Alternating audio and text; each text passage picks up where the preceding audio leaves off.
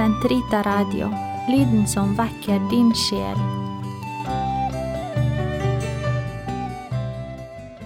Å snike seg inn i moderkirkens skjød. Det var godt å leve etter min farlige sykdom. Livet gikk som før, men ikke helt som før. Jeg visste at Gud eksisterer, men hvor hørte jeg hjemme? Hvor var min tilhørighet? Jeg ønsker ikke her å fortelle om min konvertitthistorie i alle detaljer, til det kreves en hel bok.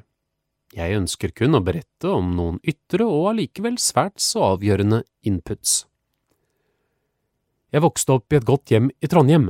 Min far var lektor ved Trondheim kommunale middelskole, min mor var fra Oslo og delte min fars interesser for litteratur, musikk og bildende kunst. Mine foreldre dyrket humanistiske verdier, men kristendommen var tabubelagt. Mannen fra Nasaret fikk jeg høre om først da jeg begynte på skolen. Jeg har ikke noe negativt å si om Den norske kirke. Den hadde jo ikke skyld i at jeg fikk religionslærere som var lite engasjerende. Religionstimene på gymnaset i Trondheim brukte vi til lekselesning for neste dag. Min konversjon var ikke et brudd med lutherdommen, for den kjente jeg når sant skal sies lite til. Min vei til moderkirken var et oppbrudd fra intet til alt. I Sverige fikk jeg katolske venner. Han som har betydd mest for meg, var Odd Lyng, født katolikk fra Skien. Jeg likte, blant andre gode egenskaper, hans naturlige, usentimentale måte å snakke om sin religion på. En glad og optimistisk prest. Etter å ha kastet uniformen begynte jeg på et toårig privat gymnas. Tre års skolegang var forsømt på grunn av krigen. De skulle tas igjen. Klare planer for fremtiden hadde jeg ikke. En ting var sikkert, nå måtte jeg ta den konvertittundervisningen jeg seilte utenom i Sverige. Jeg troppet opp i St. Olav prestegård i Trondheim og ble kjent med pater Antonius Deutsch. Jo, han ville mer enn gjerne gi meg undervisning. Noen dager senere satt vi ved siden av hverandre med katekismen på bordet. Begge var vi vel noe anspent. Han startet med å fortelle at Gud er uendelig stor. Straks ordene var sluppet ut av hans munn, avsluttet han med et høyt ha-ha. Jeg så ikke straks det humoristiske ved at Gud var så stor, og heller ikke grep jeg humoren like etterpå da han fortalte at Gud var allkjærlig. Ha-ha!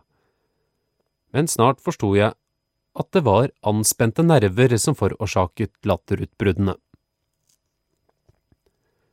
Pater, senere prefekt Antonius Deutsch, var en kjernekar som jeg ble riktig glad i. Jeg fulgte ham på flere oppdrag, en gang dro vi sammen til Stiklestad, ti mil nord for Trondheim, hvor Den katolske kirke har et kapell. Pateren skulle forhandle med de kommunale myndigheter i Verdal om et tomtespørsmål. Det ble kveld, og ingen av oss hadde penger til overnatting på hotell. Den katolske kirke i Midt-Norge var på den tid ekstremt fattig, så strakte vi oss ut på de harde kirkebenkene og sov til neste morgen.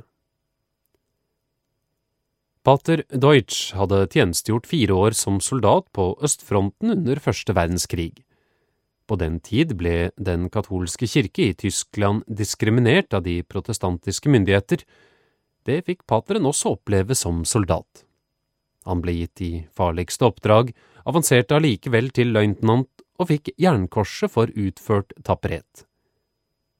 Etter krigen fortsatte han sine teologiske studier og ble ordinert til ordensprest. Han ble stasjonert i et kloster like ved Rhinen. Herfra skulle han betjene landsbyene i nabolaget. Nå ville han kjempe for Guds rike med samme tapperhet som han før hadde kjempet for fedrelandet. Hver morgen satte han seg på sykkelen og tråkket i vei. Når den kjempesterke pateren kom til en motbakke, hoppet han av sykkelen, grep den under armen og sprang oppover til bakketoppen. Det ble allikevel, særlig med krigsårene som bakgrunn, for mye for hans jernhelse. Han kollapset og ble sendt til et roligere liv i Norge. Hver lørdag kveld var han i Studentersamfunnet. Det var høyt under taket i storsalen den gang. Det var før Studentersamfunnet ble politisert av de røde.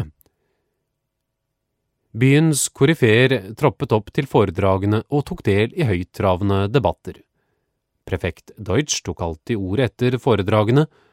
Få var de som forsto hva han sa, for han hadde en sterk tysk aksent. Men alle respekterte hans person, for han virket så oppriktig i all sin ferd. Dagen etter pleide han å hviske meg i øret. I går rundhjulte jeg protestantene. Økumenikk var det lite eller intet av i tiden før og like etter annen verdenskrig. I 50-årene ble det biskopskifte i Midt-Norge, og prefekt Deutsch måtte av helsemessige årsaker trekke seg tilbake til Tyskland.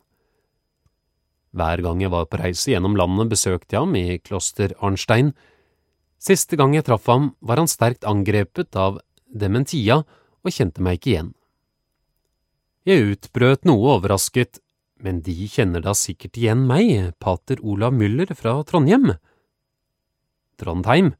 Akk ja, da habe ich die protestanten fertige gemacht, svarte han.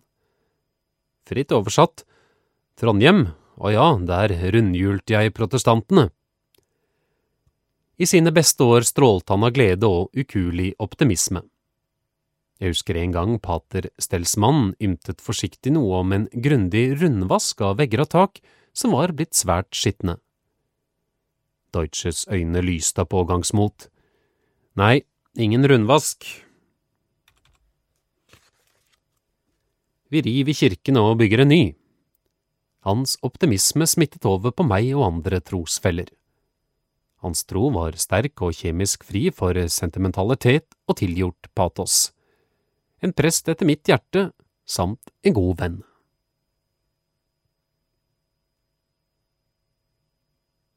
Økumenikk i 40-årene Som allerede antydet var det smått med økumenikk i 40-årene. Landets aviser hadde knapt et nummer uten sarkastiske, til dels beske utfall mot vår kirke. Svarene fra katolsk hold var ikke mindre hardtslående. Her ble det ikke fektet elegant med floretter, men dundret løs med digre klubber. Det gammeltestamentlige øye for øye, tann for tann, rådet grunn. Forholdet mellom katolikker og protestanter var som en fotballkamp, for det gjaldt å skyte flest mulige mål og høvle like mange skinnben.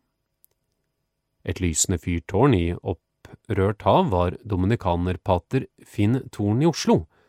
Under krigen satt han på Grini og møtte lutherske kolleger på det helt medmenneskelige plan. Det må ha betydd mye for hans økumeniske innstilling, dessuten var han glad i den kirken han forlot. Hans ordensbror, den lærde og fromme pater A.J. Lutz, var derimot noe tilbakeholden på dette området. Da han ble spurt om hva han syntes om økumenikk, skal han ha svart jo, økumenikken har atskillig for seg, protestanten har mye de kan lære av oss. Det annet Vatikankonsil hevdet flere år senere også det omvendte, at vi katolikker har mye å lære av våre protestantiske brødre og søstre. Da jeg skulle opp i muntlig historie, som privatist måtte jeg opp i alle fag, trakk jeg et lodd som passet som hånd i hanske for min noe militante religiøse holdning. Jeg skulle først si noe om pavens stilling i middelalderen, for så å redegjøre for reformasjonens innføring i Norge. Jeg tror neppe de to sensorene noensinne har fått en verre skyllebøtte av katolsk apologi og polemikk over seg enn da.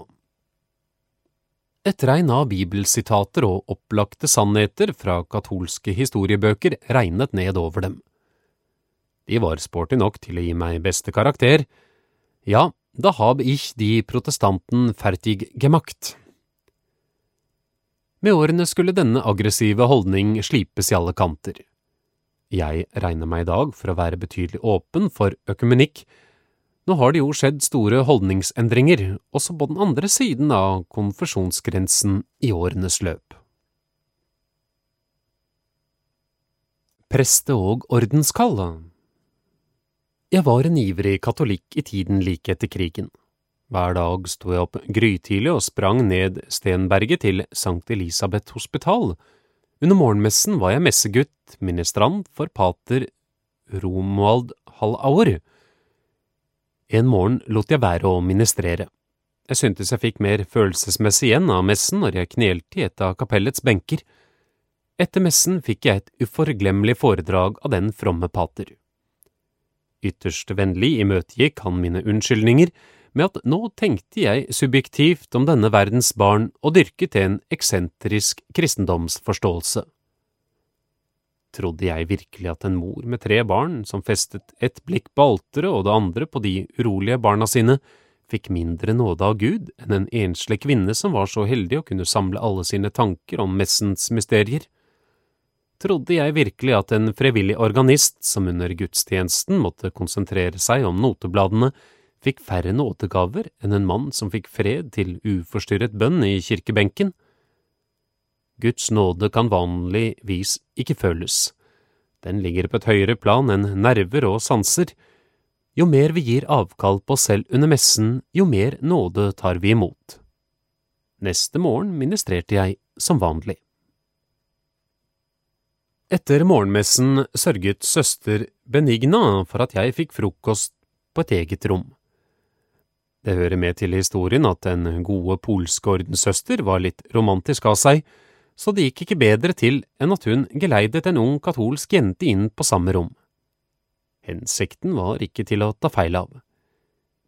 I hennes ører kimte allerede bryllupsklokkene. Så der satt vi begge, dryppende sjenerte, og slurpet i oss morgenkaffen.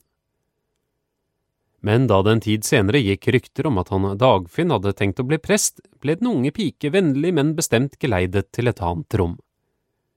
I fremrykket alder har jeg truffet den unge dame flere ganger, og vi har moret oss kostelig over søster Benignas velmente hensikter.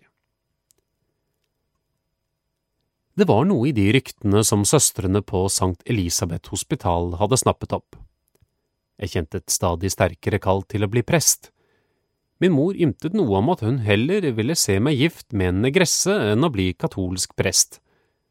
Slikt kunne man si i førtiårene uten at Dagbladet leet på et øyelokk. Min far var heller ikke blid.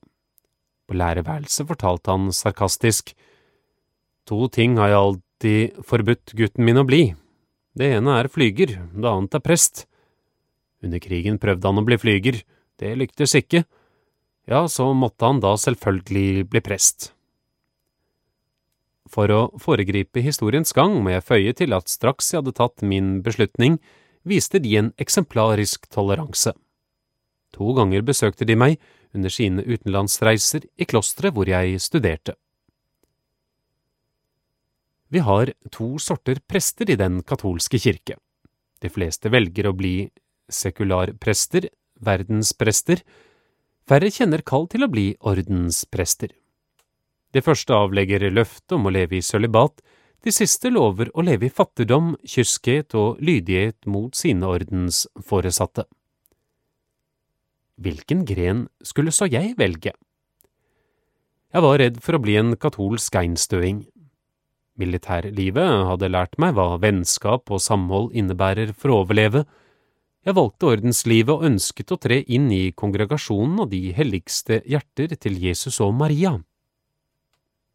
Alle prester i Midt-Norge, foruten én, var på den tid medlemmer av dette ordenssamfunnet. På folkemunne ble den kalt Picpus-ordenen, fordi dens første ordenshus lå i Rue de Picpus i Paris.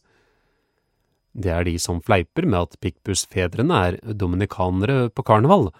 Det skyldes noen fargete emblemer vi bærer på brystet. Den får vi tåle. For å si det kort, vår oppgave er å spre på jorden den kjærlighet som disse to hjerter er et symbol på. Våre pikkbussfedre i Midt-Norge var alle på den tid tyske, med én unntagelse. Så falt det også naturlig for meg å tre inn i den tyske ordensprovinsen. Jeg så det slik at kunne jeg ikke nå etter krigen leve sammen med tyske medbrødre, ville det mangle noe vesentlig i mitt fremtidige presteliv. Det nasjonale ville bli viktigere enn katolsk universalitet. Jøssingen i meg ville triumfere over det kristne verdensomspennende broderskap. Avskjeden med Norge var tung. Dagen før jeg tok farvel med hjemlandet, sprang jeg opp på Gråkallen, et lite fjell utenfor Trondheim. Jeg skuet utover den by jeg elsket og den fjellheimen jeg så mang en gang hadde vandret i. Det var norsk natur jeg savnet mest i de ti årene jeg levde i utlandet. Mitt postulat, prøveår, foregikk i et tysk kloster i Holland. Det tok tid å venne seg til klosterrytmen, til sengs klokken 21 opp klokken fem. En langt større utfordring møtte meg da de tyske studentene kom hjem fra fangenskap i Russland, Frankrike og England. Nå ville de her i skolastikatet, presteseminar i et kloster, ta opp igjen studiene i filosofi og teologi, studier som var blitt avbrutt ved krigstjeneste og fangenskap. Ingen av dem var smittet av nazistiske tanker. Den katolske kirke led mye under Det tredje riket. Hitler stengte katolske skoler, oppløste katolske foreninger og fengslet en rekke katolske prester. Men disse studentene som nå vendte hjem fra fangenskapet, hadde sjelden fått sjanse til å høre nyheter fra land utenfor Tyskland. De var blitt pepret full av krigspropaganda som barn, ungdom og soldater. Til tider hadde de et helt annet syn på krigens historie enn en norsk ungdom. Jeg på min side hadde blitt trenet i tyve varianter av silent killing og hadde lært å hate tyskerne av hele mitt hjerte. Så det var vel ikke så helt merkelig at vi til tider røk opp i hissige diskusjoner. Så skjedde noe som det ikke er gitt et menneske å tale om. Det er ikke god tone blant katolikker å snakke om religiøse opplevelser. Det kan bli litt platt og smakløst, som når ektefolk over kaffekoppen eller pjolterglasset utbroderer detaljer fra sitt intime liv. Så la meg bare kort fortelle at jeg steg opp på fjellet i Tabor og ravet omkring på toppen i tre fulle døgn uten søvn og hvile. Nei, dette er det ikke gitt et menneske å tale om. Jeg nevner det kun fordi denne begivenheten fikk avgjørende betydning for mitt ordensliv. Jeg ble sikrere på mitt kall, jeg la krigen bak meg og fikk en dyp respekt for mine tyske medbrødre.